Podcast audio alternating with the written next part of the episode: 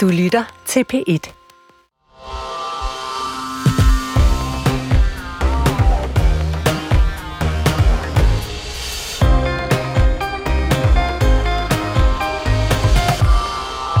Regeringens øh, udspil til en SU-reform skulle være lige på trapperne, men de overordnede tanker bag er sådan set allerede blevet luftet i regeringsgrundlaget. Og her står der blandt andet, at det 6. SU-år snart er fortid. Og det fik forleden danske studerende og gymnasieelever til at trodse kulden og demonstrere foran Christiansborg for at bevare det 6. SU-år. Øh, de studerende er bekymrede for trivslen, for presset og for mulighederne for at sædle om i livet. I dagens p debat der spørger vi, er den danske SU-model forkælet eller fantastisk? Skal de studerende stille sig tilfredse med at få en gratis uddannelse og få SU i fem år, eller er det vigtigt med et ekstra år, så de kan begå fejl, have det svært eller vælge om i studietiden? Ring ind til os på 70 21 19 19 eller send en sms til øh, 12 12. Vi har i den grad brug for jer lyttere i dagens øh, P1-debat. Vi har endda gjort særlig plads til jer i øh, dagens program. Så tøv ikke med at gribe knoglen og ring ind til os 70 21 19 19 eller sms til 12 12. Jeg vil meget gerne spørge dig, der sidder og lytter med derude, Hvordan var din SU-tid? Var det en øh, presset tid med øh, sene aftener, øh, begravet i bøger og, og med spaghetti og havregryn, eller var tiden så glimrende, at du tænker, at man sagtens kan skære lidt i SU'en? Ring endelig ind til os 70 21 19 19 eller sms til 12 12. Mit navn det er Cecilie Lange, og det her det er Pet Debat. Og lige nu der er, øh, har de studerende på en videregående uddannelse mulighed for 70 måneders SU. Det skal ifølge regeringsgrundlaget skæres ned til 58 måneder. Med den øh, SU-ændring, så vil man stadigvæk kunne få SU under, øh, SU undskyld, under en hel bachelor- og en kandidatuddannelse. Jeg gentager, man kan få SU under en hel bachelor- og en hel kandidatuddannelse, Esben Bjørn Salmonsen. Så hvorfor står du og råber inden foran Christiansborg alligevel? Fordi grundlæggende bliver problemet i fremtiden med den her SU-reform, at der ikke er fleksibilitet til at vælge om, hvis du nu har læst to, to års pædagogik, og så finder ud af, at du vil hellere være pædagog, så har du ikke SU nok til at færdiggøre din uddannelse. Og jeg synes, vi skal have plads til at lave de omvalg. Og så er det andet problem, der vil jeg gerne lige tage helt med ned i eksamenslokalet. Der, hvor man sidder og tænker, kommer jeg til at bestå den her eksamen? Mm-hmm. Og lige nu skal man være bekymret om sin karakter, sin faglighed osv. I fremtiden, hvis den her reform går igennem, så skal man også være bekymret for, om man kan betale sin husleje næste måned. Mm. Og man har pengene på kontoen til at gøre det. Mm. Og det synes jeg grundlæggende er uretfærdigt. Men man kan jo sagtens øh, vælge om, øh, Esbjørn Salmonsen. Så kan det jo bare øh, være, at hvis man ikke har klip nok i sidste ende, øh, jamen så kan det være, at man må tage et lille lån, eller spørge sine forældre for eksempel, om man kan få lov til at låne lidt af dem. Så hvad er problemet? Jamen jeg synes, det er glimrende, du siger, at man kan spørge sine forældre. Det er ikke alle, der kan det. Jeg synes, vi skal have fokus på, hvordan vi får alle med ind i vores uddannelsessystem, og alle kan tage de valg. Vi ser, at der er en meget stor trafik af omvalg mellem forskellige uddannelser, og særligt en omvalgstrafik omvalg, mange, der vælger om fra universitetet til at tage en professionsbachelor. Mm. Og det synes jeg, der skal være plads til, at vi laver de valg, om man skal have lov til at vælge forkert. Det skal ikke være sådan, at man bliver straffet i den anden ende. Fordi det kan godt være, at man kan tage et lån, men det er ikke sikkert, det føles sikkert at gøre det. Og det tror jeg meget afhænger af ens forældres uddannelsesbaggrund, om man tør tage det skridt. Men er det en straf, altså decideret, når man får øh, betalt en hel øh, uddannelse, og, og man så siger, men, men I får så også kun den uddannelse øh, øh, på normeret tid, altså SU tilsvarende der. Øhm, er det en straf, hvis man så får taget det ekstra SU-år fra sig? Nej, jeg synes ikke, det er en straf, men jeg synes, det er rigtig ærgerligt, hvis vi i fremtidens Danmark får flere, der falder fra, i stedet for at vælge om. Fordi frafald skal grundlæggende blive til omvalg, så når vi alle sammen lander på vores rigtige hylde. Kommer flere til at falde fra? Ja, det tror jeg grundlæggende set, fordi lige nu... Er det hvis noget, du, du snupper, tror, eller er det noget, du ved? Øh, Jamen, jeg tror, der er, lige om lidt er der sikkert en hel masse, der kommer med en hel masse forskningsstudier. Det er bare, hvad du tror. Altså, det er noget, du tror, eller noget, du ved? Altså, der er en hel masse, der kommer med en hel masse forskningsstudier i den her øh, debat. De peger i alle mulige retninger. Jeg kan sige, at de to danske øh, effektstudier, der har været i 1988-reformen, det er Jakob Arndt, der har lavet det ene, øh, og Skødt Nielsen, der har lavet det andet, viser entydigt, at frafaldet faldt markant, da man øgede SU'en i 1988. Så det synes jeg klart tyder på, at de danske data tyder på, at frafaldet vil stige. Okay. Øhm, er det ikke fair nok, hvis vi sådan kigger på det også ud fra sådan en helt ganske almindelig... Øh, vi tager menneskebrillen øh, på nu, ikke sådan, og, og vi er i et retfærdigt øh, samfund, synes de fleste af os, øh, de fleste øh, af os en gang imellem. Ikke? Øhm, er det ikke fair nok, at når man både får betalt en uddannelse, og får øh, en form for løn jo også under den her øh, uddannelse i form af, af SU'en, at man så skal gøre sig umage og måske øh, ikke dumpe, vælge rigtigt i, i første omgang, har gjort sig nogle tanker om, hvad er den rigtige uddannelse for mig? Altså, jeg oplever en ungdomsgeneration, som gør sig enormt umage med at vælge rigtigt, og gør sig enormt umage med deres studier, og fordyber sig i dem. Øh, jeg tror grundlæggende set, at det er meget få, der kan komme igennem for eksempel en hel universitetsuddannelse, uden at dumpe undervejs. Jeg tror også, det er enormt få, som nødvendigvis ved præcis, hvad de søger ind på for en uddannelse, når de søger ind. Og jeg synes, vi skal have mere fokus på, at det selvfølgelig skal være okay at vælge om. Jeg synes ikke, at man gør noget forkert ved det. Og det er jeg bange for, at regeringen med sin reform ender med at sige, at det er forkert, hvis man vælger forkert. Og det synes jeg ikke, det er. Jeg synes, det er menneskeligt at vælge en uddannelse, som man finder ud af ikke er ens rette hylde. Mm, er det ikke fair nok i tider som, som de her, lad mig spørge på den måde, øh, Esben Bjørn øh, Salmonsen, altså hvor velfærden har det øh, svært, vi mangler arbejdskraft, at så kan studerende ikke øh, få lov til at gå et helt, et helt år ekstra øh, på statens regning, vel at mærke. Men det her handler jo netop om at skaffe kvalificeret arbejdskraft. Vi som studerende tager jo en uddannelse, fordi vi gerne vil bidrage til samfundet på den anden side. Det her kommer til at betyde, at der er færre, der laver det valg, hvis de startede på en akademisk bachelor, at jeg vil hellere være, tage en professionsbachelor, jeg vil hellere læse lærer, sygeplejerske, pædagog. Det her kommer også til at betyde, at der er færre, der får den der ingeniørtitel, der gør, at de kan gå ud og tage en høj løn på den anden side, eller alle mulige andre ting, Danmark har brug for. Mm. Jeg synes grundlæggende, at vi har et SU-system, for at vi så, får så mange som muligt med i uddannelse. Det er det, det handler om. Og netop derfor er det er det hovedløst at lave en reform, hvor vi skærer ned på vores støtte, skærer ned på det, der grundlæggende gør, at der er mange danskere, der tager en uddannelse, fordi det er det, vi skal leve af i fremtiden. Du siger også, du er bekymret for, om det her er endnu en ting, der kan presse øh, unge. Øh, vi ved, at unge i Danmark, ligesom mange andre steder i verden, er presset. De, de, de tilkendegiver, at de føler sig stresset oftere øh, øh, end før i tiden. Ikke? Øhm, hvad er der ved den her reform øh, konkret, som tro, du tror kan bidrage til det? Jamen, jeg tror netop det der med, at vi skal vælge rigtig første gang, ellers har vi ikke mulighed for at gå ind ad en anden dør, hvis vi finder ud af, at det er den, vi hellere vil. Det tror jeg da helt klart er noget, man vil se øge presset. Øh, der kom lige tal for, hvor mange der har taget, øh, der tager hvor mange sabbatår, hvor vi ser, det antal stiger og stiger. Det tror jeg da også handler om, hvad har man lyst til at binde sig til? Okay. Og som ung er det enormt svært at sige, hvilken vej vil man gå. Og der synes jeg, at vi skal give friheden til at sige, du skal gå en vej, og så skal staten nok gribe dig, hvis det alligevel ikke var den vej, det var. Vi skal nok sørge for, at du har støtten, uagtet hvilken støtte du har der hjemmefra, til du kan få en uddannelse, til du kan færdiggøre en uddannelse, og til du kan komme ud og bidrage på den anden side på den okay, måde. Okay, vi har fået en sms her ind i studiet fra Gitte, der skriver, jeg fik begge mine børn, mens jeg studerede, og blandt andet derfor var et ekstra SU-år godt, da barsels SU kun dækker barsel med venlig hilsen øh, Gitte. Så har vi også øh, en lytter, der har ringet ind til os. Det er Nils, der har ringet. Nils øh, Willum, velkommen til dig. Ja, hej. Øh, navnet er Nils Marco Willumsen, men ja, hej. Ja, hej, og, og tak fordi du ringer ind til os, øh, Nils. Nu debatterer vi jo SU, og, og, og mere konkret det 6. SU-år. Hvad er ja. dit standpunkt der? Mener du, at øh, man skal bevare det 6. SU-år, eller øh, droppe det?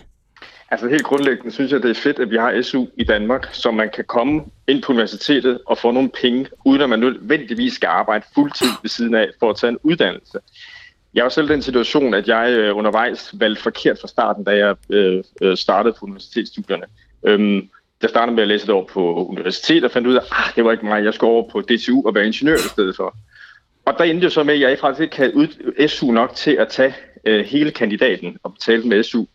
Så var jeg så heldig, at jeg var diplomingeniør, så jeg kunne faktisk komme ud og få et arbejde bagefter. Så tage en professionsbachelor, spare op, og så færdiggøre min uddannelse efterfølgende. Og jeg mener sådan set, at det 6. SU-år, det er fedt, vi har det, men jeg vil egentlig hellere bruge pengene på selve universiteterne, i stedet for at så løfte uddannelsesniveauet der. Så jeg mener godt, man kan klare sig ude. Altså, der er andre måder at finansiere det 6. SU-år på. For eksempel ved at tage et SU-lån. Også fordi jeg tænker, det er jo ikke givet, at man får et job bagefter, men når man nu trods alt tager en kandidatuddannelse, så er det vel også med en formodning om at komme ud efterfølgende, få et arbejde, og så mm. kunne tjene til at betale det SU-lån af. Mm. Æ, Nils, jeg bliver lidt nysgerrig på, hvem, hvem du er for en, ikke? Fordi vi ja. hører også lige Esben Bjørn Salmonsen, forperson i Danske Studerendes øh, Fællesråd, sige her, at det der med måske at kunne øh, låne øh, nogle penge, det er man måske mere tilbøjelig til, hvis man er sådan en, og, og undskyld, jeg siger det bare helt mm. rent ud, privilegeret type. Er du sådan ja. en privilegeret type? Altså, det er jeg i dag, det vil jeg sige. Altså, nu er jeg uddannet ingeniør og har også en PhD og har arbejdet de sidste ja, 10 år. Mm. Øhm, men da jeg startede på universitetet, der var jeg altså overhovedet ikke. Jeg kommer fra en familie, hvor jeg den første, der tog en gymnasial uddannelse, var den første, der tog en universitetsuddannelse. Og jeg fik altså ikke noget økonomisk støtte hjemmefra, enten lige at betale min telefonregning hver måned. Det var det. Så jeg synes ikke i studietiden, at jeg var en privilegeret type på den måde. Øhm, altså synes jeg, det er okay at sige, det er fedt, staten der giver de her muligheder. Mm. Men jeg synes også godt, man kan tage et ansvar på sig selv og sige, fair nok, hvad kan jeg gøre, hvis det nu viste sig, at jeg valgte forkert for at komme igennem det her med den støtte, jeg får, som så godt nok ikke dækker det hele. Altså okay. igen, jeg valgte også forkert. Det gik alligevel. Men altså, jeg tænker, vi har så meget støtte i forvejen, og vi bruger utrolig mange penge på SU, og det er kun godt. Men kunne nogle af de penge måske blive kanaliseret over på universitetsstudierne, i stedet for, for at løfte det niveau, så tror jeg samlet set, det vil gøre det endnu bedre. Okay, Nils, øh, bliv lige hængende, og så hører vi lige et svar fra Esben Bjørn Salmonsen, forperson i Danske Studerendes Fællesråd. Forstår du pointerne, som kommer her fra, øh, fra Nils? Ja, jeg forstår nogle af dem. Jeg forstår det fuldstændig, at kvaliteten på vores universitetsuddannelser og på alle mulige andre uddannelser i Danmark er der alt for lav, og det har vi set et fald over mange år, hvor vi er endt der, hvor vi er. Det er fordi, at der er blevet lavet et omprioriteringsbidrag, som alene fra universitetssektoren fjernede en milliard kroner. Mm. Det er det, vi kan mærke ude i vores undervisningslokaler. Det er derfor, vi ikke har kvaliteten, der skal til. Øh, men jeg, så jeg forstår godt den her dobbelthed, men, men jeg køber ikke præmissen om, at i samme øjeblik, du træder forkert, så skal man ikke have SU nok til at, til at færdiggøre sin uddannelse. Fordi at øh, Nils havde, øh, nu ved jeg ikke lige præcis, hvornår Nils har læst, men havde jo netop det her 6. SU-år til at sikre, at det kun var den aller sidste del af sin uddannelse, han skulle låne til. Hvis det 6. SU-år ikke havde været der, hvis det fleksible SU-år ikke havde været der til at putte ind, jamen så havde det været en endnu større del af sin uddannelse. Og det tror jeg havde betydet noget. Så jeg tror netop, vi skal sikre, at der er nogen, der tør tage de valg, som Nils også har taget, hvor der lige ikke var SU nok, men sikre det der år faktisk, sikre fleksibiliteten og sikre sikkerheden ja. i studievalget. Og Esben Bjørn Salmonsen, øhm, når du så hører Nilses argumenter her om, der er jo ingen af os, der har, øh, så vidt jeg ved, pengetræer stående ude i baghaven, ikke? Øh, Nils vil faktisk hellere bruge pengene på at så gøre uddannelserne øh, bedre, så vil han sådan set ikke have noget imod, at man skar lidt i det her fantastiske SU-system, som vi jo har, som også er meget bedre end alle mulige andre lande. Faktisk langt de fleste lande. Jamen, jeg synes, det er en fald mod, falsk modsætning, og modsætningen er jo opstået af, at vi havde en blå regering, som lavede et omprioriteringsbidrag, der år for år skal 2% du siger, af man kan godt få begge dele. Du siger, man kan godt få begge dele. Ja, selvfølgelig kan man det. Det handler om prioriteringer inde på Christiansborg, og det handler om, at Christiansborg prioriterer uddannelse for lavt. Det var også derfor, vi så en kandidatreform, hvor det handler om arbejdsudbud, arbejdsudbud, arbejdsudbud, i stedet for at investere i vores uddannelser grundlæggende. Mm. Øh, Nils øh, Willum, hvad, hvad siger du til den? Jamen, jeg er sådan set ikke uenig i, at der, det, der skete i nullerne, hvor også den, Anders Foghs regering gik ind og ligesom lavede hele finansieringsgrundlaget for universiteterne om, det var en fejlbeslutning, og det er så det, vi bærer prisen af i dag. Men der vil jeg så sige, at man må også bare være realistisk og sige, jamen det er fint nok, vi skal løfte det hele, men vi har også så mange andre områder i samfundet, vi ønsker at løfte. Og så må man bare sige, jamen okay, hvad kan vi så gøre? Det kan være, at tiden er slut til, at vi har seks års SU. Lad os dog bevare de fem år frem for at der også var lagt op til på et tidspunkt at sige, at vi kun skal have til en bacheloruddannelse, og så må du selv finansiere kandidaten med lån. Okay. Jeg ved godt, det er ærgerligt, at det ikke er sådan længere, at vi kunne få det, som vi vil have det, men altså tilbage i 80'erne, der kunne du også få dagpenge næsten så længe du ville. Det har vi også ændret, fordi tingene ændrer sig. Økonomien skal ligesom også være til det. Og jeg synes godt nok, det er let for mig at sige, jeg ved det godt, jeg er færdiguddannet, så jeg har ikke noget i klemme. Men jeg synes dog alligevel, det ene år der, det må da være værd at betale for samlet set at få en bedre uddannelse. Okay. Øh, Niels Willumsen, tusind tak, fordi du ringede ind til os og blandede dig ja, i debatten i dag. 70 21 19 19, det var nummeret, som øh, Niels havde ringet ind på. Det kan du også gøre, hvis du ønsker at blande dig i debatten om det 6. SU-år, som altså står til at blive øh, kottet, hvis regeringen øh, øh, kommer igennem med sine planer. Og det gør de formentlig. Øh, nu spørger vi velkommen til dig, øh, Steffen Sjørslev. Velkommen til pet Debat. Jo, tak. Du er medlem af konservative studerende, og så er du forretningsudvalgsmedlem for Liberal Alliances øh, Ungdom. Hvad, ja. hvad du læser først og fremmest? Øhm, jeg læser økonomi ja. øh, ude på Københavns Universitet, ja. hvor at jeg, jeg er en af dem, der har, kan man sige, balleret lidt rundt i uddannelsessystemet, været inde og ude af uddannelsessystemet både. Skal vi lige lave en hurtig håndsoprækning bare her i studiet, hvem der har valgt, og nu siger I godsøjne forkert første gang, at de øh, øh, øh, begyndte at læse? Jeg kan godt starte med at melde mig på banen. Det kan jeg også. Så vi står faktisk... Er det fire ud af fem, der har valgt forkert i første omgang? Og har du ikke også været på flere uddannelser? Jo, det, det er ikke frivilligt. Nej, men det er det da ikke for nogen. Nej, nej, nej, nej men det, det, det, jeg er stadig jeg er jo inde på det, jeg startede på igen. Okay, okay, okay. okay. Øh, fair nok. Idehistorie havde jeg lige en kort øh, øh, karriere øh, indenfor. Det var vist øh, godt, at jeg øh, fandt min plads i, i, i journalistikken. Øh, Steffen Sjørslev, du er en af dem, der ikke vil have en krone mere øh, og faktisk heller ikke har noget imod, hvis der bliver skåret en smule øh, i SU'en, selvom du, du læser. Hvorfor vil du ikke øh, have, have mere i SU? Mm, fordi jeg synes, altså nu har vi 6. SU-år, som er sådan en ekstra tilgang til, at når man øh, selvfølgelig kan man vælge forkert, og man kan også komme ind på andre uddannelser, men jeg synes simpelthen, at når vi har en normeret tid, så synes jeg også, så er det helt fint, at vi tager den normerede tid. Mm. Øh, jeg synes godt, at man kan gå endnu længere ned, øh, og især fordi, når vi kigger på den normerede tid, hvad er det, hvornår er det, folk mister deres Det er ofte i slutkandidaten, altså steder, hvor de har en uddannelse, næsten har en uddannelse, ofte har et studiejob og lignende. Så jeg synes, at der, der er intet, der tilsiger, at vi ligesom har en ekstra, hvad hedder det, vi øger ikke den sociale mobilitet. Vi har intet, altså vi bruger rigtig mange af borgernes penge på noget, som vi faktisk ikke kan sige, om hjælper nogen. Okay. Lad os vende tilbage til den øh, øh, sociale mobilitet lige om et kort øjeblik. Jeg vil godt lige gribe fat i noget andet, øh, Steffen Sjørslev, fordi nu når du hører for eksempel Esben Bjørn Salmonsen sige klart og tydeligt, øh, der kan være nogle konsekvenser, frygter han, hvis man går ind og piller ved det SU-system, øh, som vi har i dag. Øh, der kan for eksempel være noget omkring trivsel. Køber du den? Nej, øh, fordi altså, jeg er selvfølgelig ærgerlig over, at vi bliver beskattet så hårdt, at man ikke kan leve på et øh, deltidsjob, og man bliver nødt til at få noget statsstøtte for at overleve. Det er jo sådan noget, jeg også gerne vil ændre på sigt, kan man sige. Men jeg, jeg køber simpelthen ikke, at penge er lige trivsel. Altså, det er en... Bund og grund synes jeg, at man skal have et studiejob. Det er ikke statens ansvar at sørge for, at du har bolig, mad og togkort, øh, og samtidig også råd til en øl og en ferie. Mm det er, der må man selv altså ud og arbejde, og der kan man sagtens overleve på en øh, på et studiejob, og især også på en SU. Altså, det er, jeg synes, jeg køber den ikke. Jeg køber ikke, at altså, det er nice to have, det er overhovedet ikke need to have. Okay, så prøv, lad mig lige prøve at vende den om. Ikke? Altså, du siger, at det vil være fair at kotte det 6. SU-år. Staten skal ikke betale for, øh, for alt. Der er nogle ting, man har ansvar for øh, selv, så at sige. Ikke? Men hvad vil den negative konsekvens være ved og bare lade SU'en være, som den er? Mm, den negative konsekvens er, at vi bruger i dag 16 milliarder på SU. Altså, det er en 1% af de offentlige udgifter. Hver gang øh, kassedamen betaler 100 kroner i skat, så går en krone til nogle studerende, uden at vi ved, at der er en effekt. Det synes jeg er vanvittigt, at vi bruger så mange penge, uden reelt at vide, om der er den store indflydelse eller effekt på det, eller man kunne løse det billigere. Altså, det er mange af andre menneskers penge, man står og siger, dem vil vi egentlig gerne beholde. Mm. Hvad det tænker synes, du, jeg, øh, fordi jeg kan heller ikke lade være med at tænke på, det er også lidt sjovt, ikke? at nu står øh, Esben Bjørn Salmonsen jo også her i, i, i studiet, forperson i, i Danske Studerendes Fællesråd, et fællesråd, som jo måske også burde inkludere sådan nogen som, øh, som dig, ikke? Altså, hvor er, du oplever vel ofte, at du ikke er enig med den linje, der kommer derfra? Jamen, nu har jeg jo, øh, man har jo så heldig, at man har øh, univalg på de forskellige universiteter, og jeg tror, at siden jeg begyndte i studenterpolitik, der er øh, studenterrådet på København faldet fra 90 til 60 procent af stemmerne. Og jeg har tænkt og håber, at den øh, tendens fortsætter. Mener du, at det, som øh, Esben Bjørn Salmonsen bringer fokus på i dag, det er jo særligt, hvis, og nu, du må undskylde mig, Esben, hvis jeg korter det lidt hårdt øh, ned, men øh, trivsel synes jeg, du øh, peger på, og så peger du også på en social øh, skævhed. Øh, er det ikke rigtigt, hvad han siger?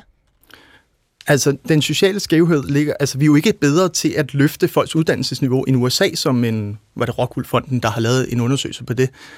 Altså, vi, vi er ikke et eller andet øh, vanvittigt land, der er virkelig dygtige til at hive øh, folk til at bryde den sociale arv på uddannelsesfronten. Altså, SU'en har ikke... Altså, vi er ikke et mirakelland, som løser problemerne bedre end alle andre. Okay. Og det synes jeg, at når vi kigger ind og siger, mm, er det trivsel, er det alt muligt, det løser ingen af problemerne. Til gengæld, så er det rigtig dyrt. Det er jo svært, hvad man skal tro så, ikke, øh, Esben Bjørn Salmonsen? Øh, nu hører du Steffen Sjørslev øh, sige nærmest det modsatte af det, du siger. Hvad, hvad er rigtigt? Jamen, jeg tror ikke, vi skal dykke ned i alle mulige analyser, fordi at det er jo klart, når, når der findes store øh, økonomiske interesser i at skære på de studerendes forhold, så kan man også godt lave en fin analyse, der sikkert viser, at der ikke er problemer. Men fakta er bare, hvis vi kigger på de danske data, de eneste danske forskningsbaserede effektstudier viser en klar effekt i forhold til, at tilgangen til uddannelse stiger, og frafaldet falder, og vi ser endda den her sociale gradient i det, jeg snakkede om før, hvor at det hjælper studerende fra uddannelsesfremmede hjem endnu mere med SU, end studerende, der kommer fra bolige hjem. Mm. Så grundlæggende set er det ikke rigtigt, hvis vi kigger på de danske data. Og lige om lidt siger Steffen sikkert noget med det økonomiske råd, men det er jo en opsamling af øh, den samlede forskningslitteratur, som kigger på det på en anden måde, og man kan henvise til andre ting i samfundsøkonomien i foråret, for eksempel, som viser det på en anden måde. Så jeg synes faktisk ikke, det er så spændende at dykke ned i det, men jeg synes, vi skal dykke ned i klasselokalet og kigge på de studerende i undervisningslokalet. Hvad er det for nogle forhold, man har? Og så synes jeg også, vi skal holde fast i, at det her kommer til at øh, begrænse omvalg i forhold til studie, og der ser vi bare en stor trafik fra øh, universitetsbacheloruddannelser til professionsbacheloruddannelser. Og det oplever jeg i hvert fald i det politiske system rigtig gerne vil have, at der kommer nogle flere lærere, sygeplejersker osv. Og det, det tror jeg, at den her reform grundlæggende kommer til at bremse for. Okay. Det 6. SU-år er formentlig snart øh, fortid. I dagens P1-debat spørger vi, er den danske SU-model forkælet eller fantastisk? Skal de studerende stille sig tilfredse med at få en gratis uddannelse og få SU i fem år, eller er det vigtigt med et ekstra år, så man kan begå fejl, have det svært i livet, eller måske endda vælge om i studietiden. Ring ind til os på 70 21 19 19 eller send en sms til øh, 12 12. Hvordan var din studietid, dig der sidder og lytter med derude? Var det en presset tid, eller var den helt øh, fantastisk? Måske også så fantastisk, at du tænker, man sagtens kunne øh, skære lidt i SU'en. 70 21 19 19 eller sms ind til os øh, 12 12. Camilla Gregersen, forperson for øh, DM, den akademiske øh, fagforening. Velkommen til PET Debat til dig også. Tak skal du have. Nu har du stået og lyttet lidt med, ikke? Mm-hmm. Jeg vil starte med at spørge dig, er det en god eller en dårlig idé at droppe det 6. SU-år? Jeg synes, det er en rigtig dårlig idé at fjerne det 6. SU-år, og jeg synes også, at det er unødvendigt, når jeg ser på, at der faktisk i de her år er et meget stort øh, beløb i statskassen, så kan jeg simpelthen ikke se, at man er øh, nødt til det her. Og jeg vil også sige, principielt synes jeg, det er rigtig vigtigt at stå værn om de unges SU. Og hvis vi lige dykker ned i, hvorfor har vi overhovedet SU? Måske skal vi lige spole tilbage jo. til dengang man indfører SU. Det gør man i 1970, og det kommissorium, der lød dengang, det indledes sådan her. Ingen skal af økonomiske grunde forhindres i at få den uddannelse, som han eller hun har lyst og evner til. Det er sådan hele grundlaget for det. Og det vi så kan se i dag, når man vil gå hen til at fjerne det 6. fleksible SU-år, det er jo, hvem bruges det egentlig af? Og jeg kan fortælle, og det er fakta, det er, at det bruges primært af studieskiftere. Og det er der faktisk en vis interesse, tror jeg, i, at man kan sørge for, at man kan skifte spor. Vi ser for eksempel, nu har vi hørt de universitetsstuderende, men for eksempel har de lærerstuderende også meldt meget kraftigt ud om, at det her det vil få rigtig negative konsekvenser for dem, hvis man går ind og fjerner det 6. SU-år, fordi 34 procent af dem, der starter på en læreruddannelse, de kommer faktisk med at have været startet på en anden uddannelse først. Og det illustrerer jo bare, at vi har behov for et fleksibelt SU-system, hvor der også er plads til at lave omvalg, og derfor skal man ikke fjerne det fleksible SU-år. Nej, så du siger, at regeringen vil med, med den her reform, øh, måske uden at det er øh, øh, tilsigtet, så kan de ende med at miste nogle af dem, vi har rigtig hårdt brug for, for eksempel lærere og pædagoger, øh, lige præcis ved at skære det 6. SU-år. Ja, altså man har jo brug for alle, der tager en videregående uddannelse, uanset om det er en kort eller mellemlang eller lang, men der skal være plads også til, at man kan lave omvalg. Og de studerende i dag, de gennemfører jo historisk hurtigt.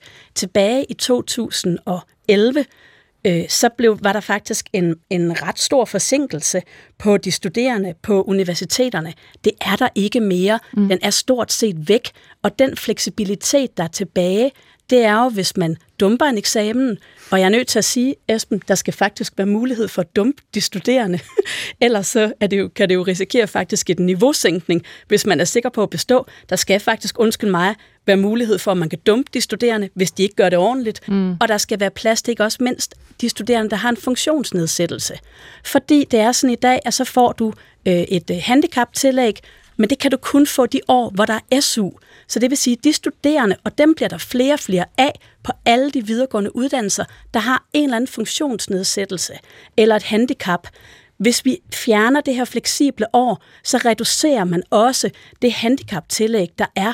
Det synes jeg faktisk ikke, vi kan være bekendt. Okay. Jens Christian Lytgen, velkommen til dig. Tak for det. Du er øh, beskæftigelsesborgmester i øh, København, og det er du selvfølgelig for, øh, for Venstre, og står her måske sådan lidt i, i kraft af også at være en, der i hvert fald her i studiet er tættest på at sidde i regeringen. Du, du gør det ikke, men, men du kender dem godt, ikke? De sidder klistret til, til Folketingssalen lige her om lidt, de kære folketingspolitikere. Så nu spørger jeg bare dig. Ikke? Øhm, med alle de uhørligheder, vi har hørt om her, hvad der kan ske, hvis man skærer øh, det 6. SU-år. Hvordan kan du så bakke op om det? Jeg tror, hvis jeg var studerende og repræsenterede en anden studenterorganisation, så ville jeg gå på gaden for øh, at få nogle flere penge til undervisningen. Og det er jo lige præcis det her øh, forslag, det går ud på. Det er, at øh, der er det her misforhold nu, at vi bruger flere penge på SU, end vi bruger på universiteterne. Øhm, og er det ikke, fordi man historisk har skåret i, øh, øh, i undervisning og i uddannelserne? Jo, det, det kan godt være, at der, at der, der er skåret på universiteterne, men det kan man jo så rette op på ved det her, og bruge pengene på det, der, der rent faktisk betyder noget, og det er jo undervisning. Jeg må sige, jeg synes, det her det er et meget mildt indgreb. Der har også været forslag omkring at gøre det meste af SU'en lånebaseret. Det kunne jeg sådan set rent personligt godt se noget musik i, men jeg vil sige, det her, det synes jeg er meget, meget øh, mild reform, som gør, at det 6. år, øh, det så ikke bliver øh, øh SU-finansieret længere, men man udvider jo muligheden for SU-slutlån, så man kan jo bare tage et, øh, et SU-lån i stedet for, som har en ekstrem lav rente.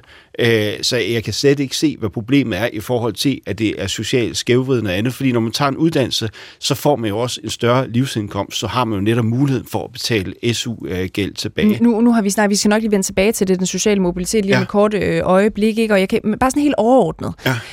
Vil du gå med til, vil du stå bag en politik, som kan gøre, at man ikke er lige så øh, fri og lige og har muligheden for at være sin egen lykkes smed.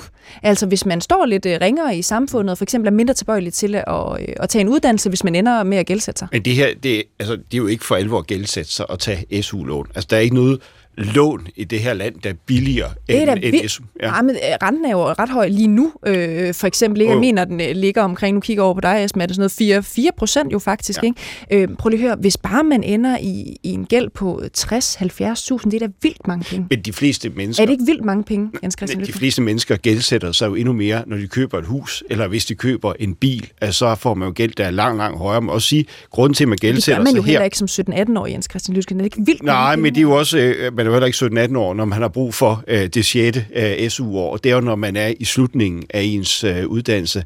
Nej, jeg synes ikke, det er noget problem, fordi øh, man får en uddannelse, som gør, at man får en højere øh, livsindtægt, øh, og det synes jeg sådan set er rimeligt nok, at man selv finansierer en lille smule øh, af det, hvis man har behov for et ekstra år, hvis man eksempelvis har, har valgt om eller taget lidt længere tid om, omkring sin uddannelse. Jeg synes, det er det væsentligt, det er, at der stadigvæk er en høj SU, øh, i øh, den tid, som uddannelsen er nummeret til. Og sige, hvis vi sammenligner med de andre nordiske lande, så har vi jo markant højere SU, end man har i Norge og, og i Sverige. Øh, og der hører man altså ikke omkring øh, den her øh, øh, sociale massegrav, som man nærmest fornemmer, at vi kommer ud i, hvis man fjerner øh, det 6. Øh, SU-år. Svensker og nordmænd, de, de klarer sig udmærket, men man laver SU. Jeg er glad for, at vi har en høj SU, Øh, øh, og jeg er glad for, at vi har det i hele uddannelsens øh, længde, og det her med at så fjerne den, det, det 6. år og gøre det øh, lånebaseret, det kan jeg ikke se noget som helst problem i. Jeg synes faktisk, det er en red mild reform. Når man ser på, hvad giver det her i arbejdsudbud, så giver det 4.700 personer. Mm. I forhold til andre ting, vi diskuterer, når det er arbejdsudbud, afskaffelse af stor bededag, pensionsalder, alt sådan noget, så er det her godt nok i den lille, øh, i et milde ende. Det er virkelig en af de lavhængende mm. frugter, man, nu, man kan tage ned. Nu hørte du øh, Camilla Gregersen, øh, forperson i DM, ja. lige før sige, at der er altså også en anden øh, hurdle, mm. undskyld mit øh, øh, amerikanske her, ja. øhm, måske en utilsigtet konsekvens af, af, af den her reform, nemlig at for eksempel hvis vi kigger på skolelærer, der er mange af dem, der er studieskifter, og måske risikerer man, at der er nogle af dem, der ikke vil hoppe over på en, en læreruddannelse for eksempel, men lige præcis den her reform. Hvad siger du til det? Jeg tror ikke, det er det, der er afgørende, fordi man har jo stadigvæk muligheden øh, for at tage det her øh, SU. Men du kan vel ikke helt afvise, Jens Christian? Jeg tror, hvis det er 34 procent af lærerstuderende, som sådan set er studieskifter, så kan du vel ikke afvise, at det kan have en stor konsekvens for den samlede mængde af lærerstuderende altså, de, de eksempler, jeg kender på nogen, der, der vælger at blive lærer sådan lidt senere i livet, for eksempel med meritlæreruddannelse og andre ting, så er det jo ikke SU i sig selv, der, der er afgørende. Det er jo det her med, at man går fra at have et fuldtidsjob et sted til at lige pludselig skulle øh, ned på, på, på SU, at man så måske så skal tage, tage et lån for det. Det er jo ikke det, der nødvendigvis er afgørende. Det er det der med at gå fra en løn og så ned på, på SU. Der ligger en udfordring. Okay, lad os lige prøve at byde velkommen til den næste lytter, der har ringet ind til os. Det er Anne Line, som har ringet ind på 70 21 19 19. Det skulle vel ikke være Anne Line Larsen? Jo, det kan du tro. Og hvem er det nu, du er, Anne Line Larsen? Øh, jeg er forperson for Lærerstuderendes Landskreds. Aha, og derfor jo også ret relevant for det, vi taler om lige præcis nu. Velkommen til Pet Debat, øh, Anne Larsen. Øhm, nu har du lyttet lidt på Jens Christian øh, Lytgen øh, udtale sig om øh, den ret konkrete problemstilling, som du jo også peger på øh, i den her sammenhæng. Hvad er det, det går ud på? Jamen, hvis regeringen fjerner øh, 12 SU-klip på den samlede ramme, man har til rådighed som studerende, så betyder det jo, at os, der går på læreruddannelsen, men også de andre professionsbacheloruddannelser som sygeplejerske eller socialrådgiver, at vi lige pludselig ikke har nok SU til at videreuddanne os. Og jeg synes, at det er virkelig uretfærdigt, hvis vi, der vælger professionsbachelor, bliver dårligere stillet i forhold til at videreuddanne os, end dem, der vælger for eksempel en akademisk bachelor i første omgang. Mm. Øh, vi ved også, at det er noget i forhold til øh, udviklingsmuligheder, åbne døre og sådan noget. Det er noget, der betyder virkelig meget for folk, når de vælger uddannelse. Øh, det er faktisk hver femte, der har fravalgt øh, læreruddannelsen, fordi de ikke mente, at den åbnede nok døre. Mm. Så og, øh, og tror det Larsen, ja, omvendt vil jeg jo øh, spørge dig, ikke? hvorfor er det et problem, hvis for eksempel du har uddannet dig som folkeskolelærer og kommer i tanke om, jamen jeg vil egentlig godt øh, videreuddanne mig. Det kan så være, at du har arbejdet øh, i en sum tid som folkeskolelærer, har tjent nogle penge, og så mangler du en klip i sidste ende. Hvorfor kan du ikke selv betale for det? Det her det handler jo om, at det skal være øh, rimeligt, og at vi ikke skal være Men er det ikke, er det ikke rimeligt, dem, øh, at du selv betaler for den sidste del af din uddannelse, hvis du har uddannet dig som folkeskolelærer, måske har arbejdet i en, i en periode og besluttet dig for, at nu vil du være, øh, nu vil du have en akademisk uddannelse. Er det så ikke fair nok, at du selv betaler for den sidste del?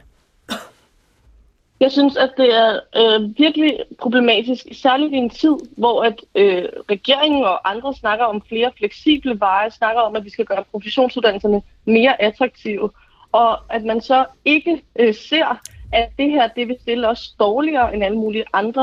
Det er jo det, der er det grundlæggende problem, og det, som jeg grundlæggende synes er mega unfair. Mm. Øhm, Tusind tak, Anne Larsen, øh, og, og bliv lige hængende, fordi nu lader vi lige panelet øh, svare på dine, øh, dine kommentarer her. Lad os lige prøve at starte øh, øh over hos dig, Steffen Sjørslev, medlem af konservative studerende og forretningsudvalgsmedlem i Liberal Alliances Ungdom. Er det ikke en virkelig god pointe, som Anne Larsen har her? Mm, egentlig ikke, fordi jeg synes, at vi igen kommer tilbage til, kan man kun uddanne sig, hvis man får andre menneskers penge? Altså, alle andre lande i verden kan du ofte betale for en uddannelse, eller du får støtte hjemmefra.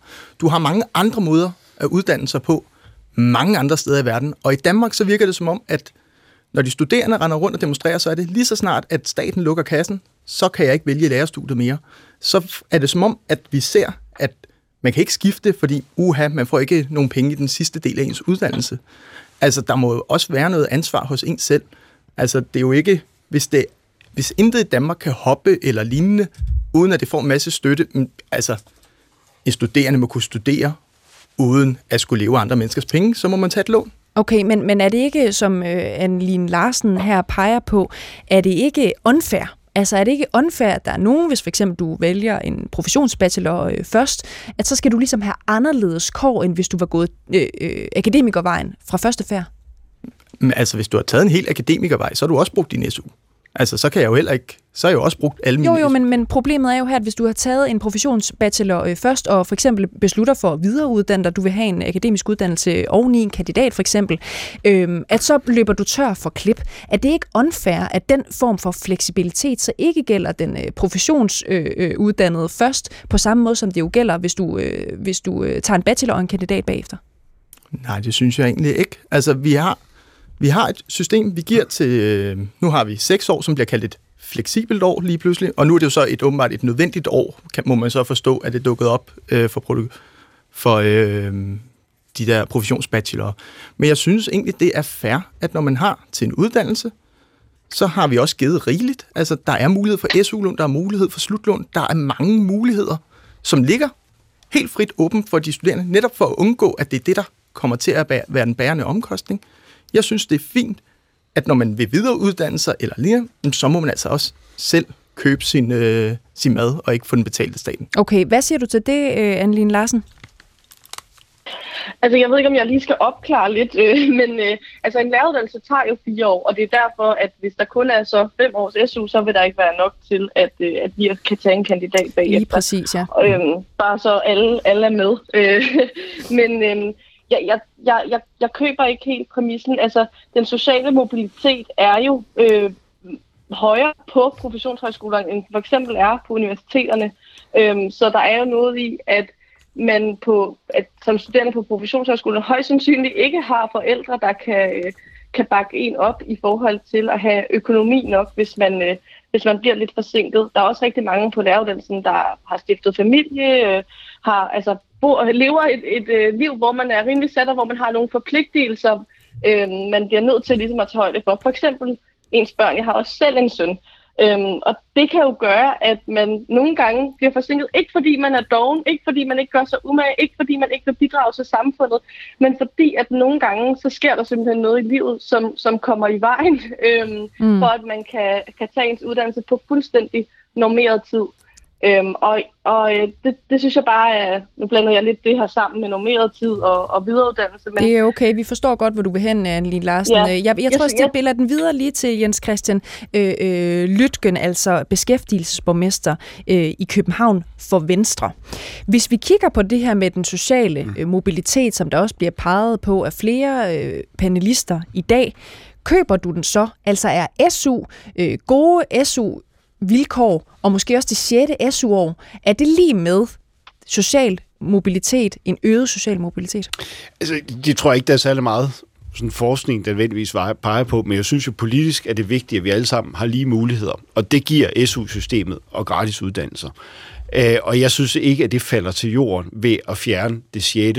Øh, SU-år, som endda øh, gør, at man, man kan låne pengene i stedet for. Altså, det er jo ikke det, der er afgørende for, om vi har et, et samfund, hvor man kan bevæge sig øh, socialt. Jeg synes, det, der er afgørende, er de gratis uddannelser, også SU, men at det er det 6. SU-år, der, der er fuldstændig afgørende, det synes jeg simpelthen er vrøvl. Er, er det ikke lidt underligt, når man på den ene side siger, både fra regeringshold, det er, ja. det er Venstre, det er Moderaterne, ja. det er Socialdemokratiet, der siger, at vi skal have et mere fleksibelt system. Mm. Man skulle kunne gå og uddanne sig på mange forskellige måder. Vi, vi skal have mange forskellige jobs måske i virkeligheden også i løbet af vores, øh, i vores liv. Er det ikke lidt mærkeligt, at man siger det med den, øh, med den ene hånd, og med den anden hånd, så siger man, at vi skærer i det år, som bliver kaldt det sjette øh, og øh, fleksible SU-år? Jeg synes, det der er det helt store misforhold i vores uddannelsessystem, det er, at vi bruger flere penge på SU, altså en overførselsindkomst, end kvalitet i uddannelserne. Øh, og regeringens ambition er jo, at pengene øh, de skal blive inden for uddannelsessystemet. Altså jeg kunne forstå, hvis at man sagde, at pengene de skal gå til at sænke topskatten, mm. eller fjerne top-topskatten, så kan jeg forstå, at øh, de studerendes fællesråd vil være på barrikaderne. Men når man siger, at vi faktisk bruger pengene inden for uddannelsessystemet. Det er jo kerneopgaven. Kerneopgaven for universiteterne, det er jo undervisning. Det er jo ikke en overførselsindkomst. Og der har vi jo altså et totalt misforhold i dag. Øh, og man kan jo også sagtens efteruddanne sig videre igennem livet, uden det nødvendigvis er afhængig af, SU. Altså for, for mange akademikere, så er efteruddannelse, det er jo ikke offentligt finansieret. Så er det sådan noget som for eksempel MBA, som man selv skal betale mm. for. Så jeg synes, jeg synes lidt, man, man sammenligner øh, æbler og pærer i det her. Jeg synes ikke direkte, at man man kan sammenligne det her. For mig der er det væsentligt, hvis vi kan øge kvaliteten af, af uddannelserne. Det kan vi jo ved at prioritere rigtigt, og jeg synes, den rigtige prioritering, det er uddannelserne, og altså ikke et, et 6. SU-år. Okay, lad os lige prøve at få en kommentar først for dig, øh, Esben Bjørn Salmonsen. Jamen, du, øh, Jens Christian, du har tidligere sagt, at det her er en lille bitte mild reform, mm. men faktum er jo, at det her er en reform, som rammer lige præcis dem, som står i alle de svære situationer. Det er dem, der står og siger, hører jeg til på den her uddannelse, eller skal jeg tage en anden uddannelse? Det er dem, der lige har dumpet en eksamen, og skal finde ud af, skal jeg låne til at betale huslejen næste mm. måned, eller var det bedre at gå ud og tage det ufaglærte job i Netto? Og der synes jeg grundlæggende, det er helt forkert, at det lige præcis er i de valg, vi går ind og laver vores Og prøv lige at uddybe, hvorfor det er dem, der bliver særligt ramt her. Jamen, fordi det er jo i lige præcis de situationer, vi skal finde ud, man som studerende skal finde ud af, har, har jeg ballasten? Er jeg dygtig faglig nok til at tage øh, et lån, øh, og kan jeg betale det tilbage på den anden side? Og den usikkerhed rammer bare den her reform rammer bare lige ned i de situationer, hvor studerende er særligt sårbare, uagtet om man har en funktionsnedsættelse eller ej, som kan være en grund til, at man er sårbar, men også alle mulige studerende, som af en eller anden grund har en fagligt svær periode. Øh, det er lige præcis dem, man rammer, og det er derfor, det her kommer til at være så socialt skævt, og det er derfor, det her kommer til at ramme dem, der er på kanten af uddannelsessystemet aller, aller hårdest. Okay, Jens Christian Lytten. Men, men det vi taler om, det er jo det SU-lån, som alle ret til at tage, som har en ekstrem øh, lav rente.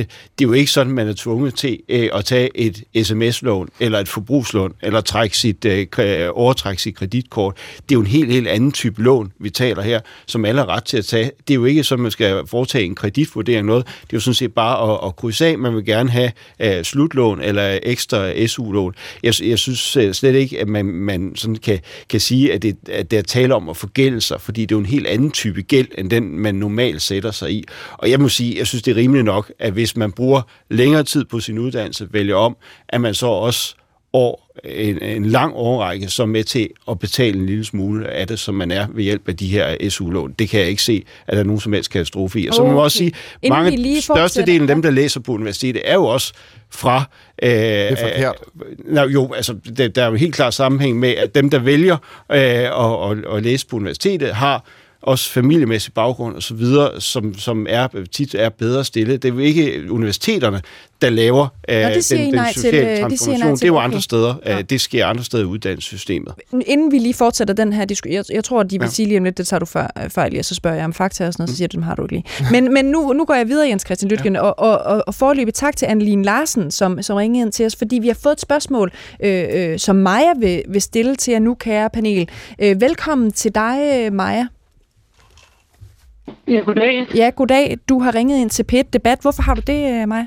Jamen, det er fordi, jeg blev lidt provokeret af noget, der sådan lidt sagt i ja, debatten. det kan ske jo, ja. Øhm, specifikt det her med, at man bare kan gå ud og betale for de her lån bagefter. Det kommer altså an på en forudsætning af, at man ligesom altid uddanner sig i situationstegn op i systemet. Fordi det er ikke alle, der skifter fra øh, for eksempel en professionsbachelor op til en universitetsgrad. Der er også nogen, der gør det modsat. Hmm. Øh, jeg er for eksempel i gang med en pædagoguddannelse, og jeg kommer altså ikke ud igen med en særlig høj løn. Øh, jeg har så været heldig, at jeg har brugt mange år på den her, og har også været ude at arbejde nogle år, så jeg har tjent nogle penge op og kan betale for at tage min uddannelse nu, uden egentlig at køre på SU. Ja. Men det er jo ikke alle, der har den. Hvis jeg havde ikke havde fulgt min uddannelse, altså taget de her fem og et halvt år, som det nu engang tog, og så været ude og arbejde bagefter, jamen så vil jeg ikke have kunnet skifte til den her profession. Nej. Jeg er også heldig, at jeg bor, og nu bor jeg i København, det kan være rimelig dyrt, men jeg er heldig, at jeg bor et sted, hvor det faktisk er billigt. Øhm, så det er, altså der er rigtig mange faktorer i spil, og det er ikke alle, der bare kommer ud i enden og kan betale det, så det er så særlig nemt. Okay. Øh, tusind tak for det indspark, øh, Maja. Hæng, hæng endelig på, og så hør svaret her. Du nikker, Camilla øh, Gregersen, til det her forperson for, for DM. Ikke? Hvad er dit, du har også stået og lyttet med lidt og vil gerne have ordet. Hvad er dit øh, øh, kommentar til det her?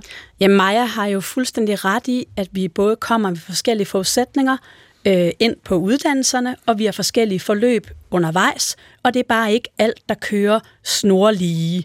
Og det er jo det, det hele den her debat handler om, at sige, skal der være plads til, at det ikke altid kører snorlige. Og der skal man bare vide, at man kan blive lidt... Øh, man skal i hvert fald passe på, at man ikke bliver privilegieblind, vil jeg sige. At man tænker, om alle kan der det her, eller jeg, jeg, jeg sympatiserer meget med det, Maja siger, at man skal huske på, det er ikke alle, der bare øh, for det første øh, øh, har, kan betale en gæld bagefter. Og vi kommer i forskellige livssituationer. Og igen, der er jo også studerende med funktionsnedsættelser. Nu siger jeg det lige igen, dem er vi nødt til også at forholde os til det her. Jo, jo. Fordi det er faktisk en stor del af dem, der også kommer ind ja. på både universiteter, men, men, men også øh, men særlige er det ikke rigtigt, som, som Jens Christian Lytgen siger, altså at, at det er faktisk langt de fleste kan jo godt betale et lille lån, når man har en uddannelse, begynder at, at arbejde på et eller andet tidspunkt, så kan man jo godt betale et lille lån på, på en 100.000 eller et eller andet, hvis vi kigger helt realistisk på det. Det kan langt de fleste mennesker i Danmark, der, når de har en øh, lang videregående uddannelse for eksempel, og får et arbejde og skal begynde at betale af. Men hvis vi kigger på universiteterne, er det så to tredjedele af dem, der kommer ind på universiteterne, de kommer fra en ikke-akademisk baggrund. Det vil sige, at deres forældre er ikke-akademikere. Det vil sige, at langt, langt de fleste, der kommer ind, har Hva, faktisk hvorfor? ikke en baggrund i det. Hva, det hvor man det ikke, noget? og jo, det betyder faktisk en del, både i forhold... Det betyder da ikke noget, hvad mine forældre har lavet for, om jeg kan gå ud og betale mit lån på den anden side, det hvis jeg får en uddannelse Det betyder rigtig meget for, hvilken hjælp du kan få undervejs, både i forhold til, om det er nogen, der kender... Men det her det er jo et lån, Camilla Gregersen, som kommer i sidste ende, altså som du skal til at begynde at tage, betale af på, ja. når du har en uddannelse okay. og begynder et job. Ikke? Jeg svarer lige på det, det var bare, fordi jeg gerne vil knytte en kommentar til mig. Men ja, helt, det der, det der er sagen, det er, du kan ikke betale din nuværende udgifter med en fremtidig indkomst. Godt. Det vil sige, du har brug for pengene her og nu, mens du er på uddannelsen, og du kan ikke betale husleje med penge, du måske tjener senere, og derfor skal vi sørge for, at der faktisk er en SU, som man kan leve af undervejs. Og vi kan se, når vi kigger på vores studerende, som vi har, så lever de ikke en fyrstelig tilværelse, mens de er på SU. Steffen Sjørs, det jo helt kort her til sidst, inden der er radiovis, ikke? Er der også noget privilegie blindt øh, for dig i det her, når du siger, at man kan da bare betale et lån, hvis man vil læse lidt længere? Altså, jeg kommer ikke ud af en akademisk familie. Altså, det er intet... Altså, jeg synes overhovedet ikke, at det er privilegieblandt. Jeg synes, at det er en fornuft, hvor man lærer at tage hånd om sin uddannelse og hånd om sine øh, penge. Vi er tilbage på den anden side af en radiovis. Bliv endelig hængende. Klokken den er 13.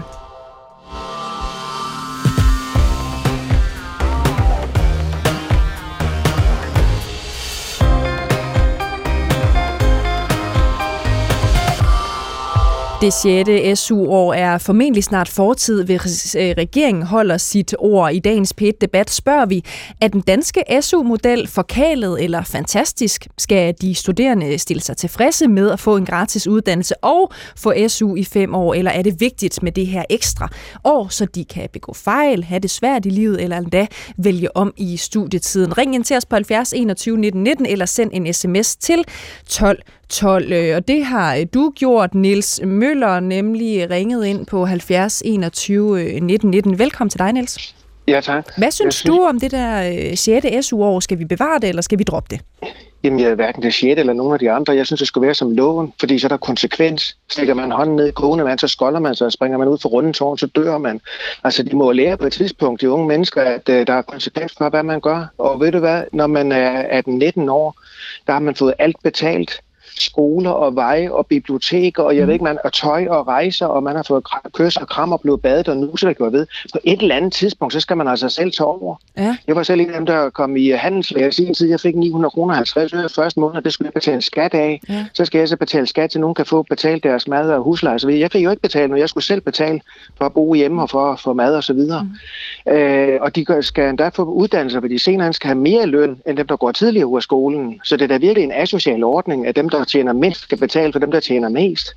Øh, Niels øh, Møller, det du var inde på der, så du kalder det konsekvenser, du snakker om den der skoldede øh, hånd og hop ned fra rundetårne, de der ting. Altså, hvad er det for konsekvenser, du taler om? Det er jo bare nogle øh, Hvis de vil kloge bajer, unge, jo... jo, jo, det er jo bare kloge unge mennesker, der, der gerne vil have en uddannelse og ja, gøre noget godt for jamen, samfundet, og så vil de egentlig godt have lidt til gengæld.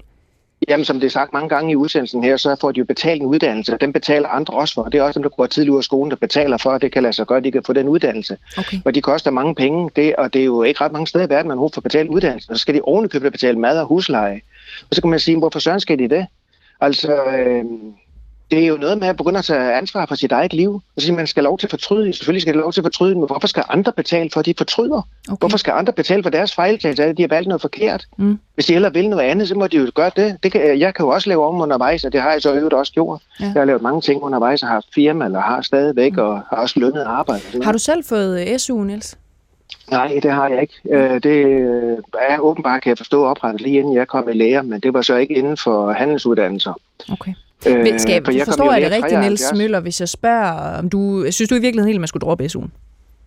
Ja, man kunne, ja, nej, som lån. Så det vil sige, man kan låne pengene, og så skulle det være rentefrit indtil man er færdig, og så skal det være en lav rente i starten, og sådan, så det kan betale sig betale tilbage, for hvis det er rentefrit hele tiden, så er der ingen grund til, at nogen tager betale tilbage, så kan man bare blive ved med at have gratis penge på den måde der. Men altså, man skal betale for sig selv. Okay. Jeg kan ikke forstå, altså de siger, at det er synd, at de kommer til at miste et eller andet. Ja, men hvem, det er der endnu mere synd for dem, der skal betale for, at de andre ikke skal miste noget. Mm. Det er altså simpelthen asocialt, at dem, der tjener, kommer til at tjene mest, de skal betale mindre, okay. end dem, som har øh, gået tidligt ud og øh, taget fat og, og tage et job. Ikke? Niels, tusind tak, fordi du ringede ind og gav dit besøg med her i dagens øh, P1-debat. Du kan gøre det samme, hvis du sidder og lytter med derude 70 21 19 19. Camilla Gregersen, vil du lige have lov til at svare på øh, de input? Det handler jo lidt om at tage ansvar for sig selv. Man skal ikke øh, have alt muligt foræret, når man oven i købet får en gratis uddannelse, som vi hører fra Niels Møller her. Hvad siger du til det? Oh, der er flere fejl. Men ved du hvad, jeg tænder lige for din mikrofon, fordi så bliver det et meget bedre program. Camilla Gregersen, værsgo. Tak. Sagen er jo bare, det er en rigtig god investering at sørge for, at der er flere, der kan komme ind og få en uddannelse. Og det er uanset, om det er en videregående uddannelse, eller om det er en faglært uddannelse. Så betaler uddannelse sig.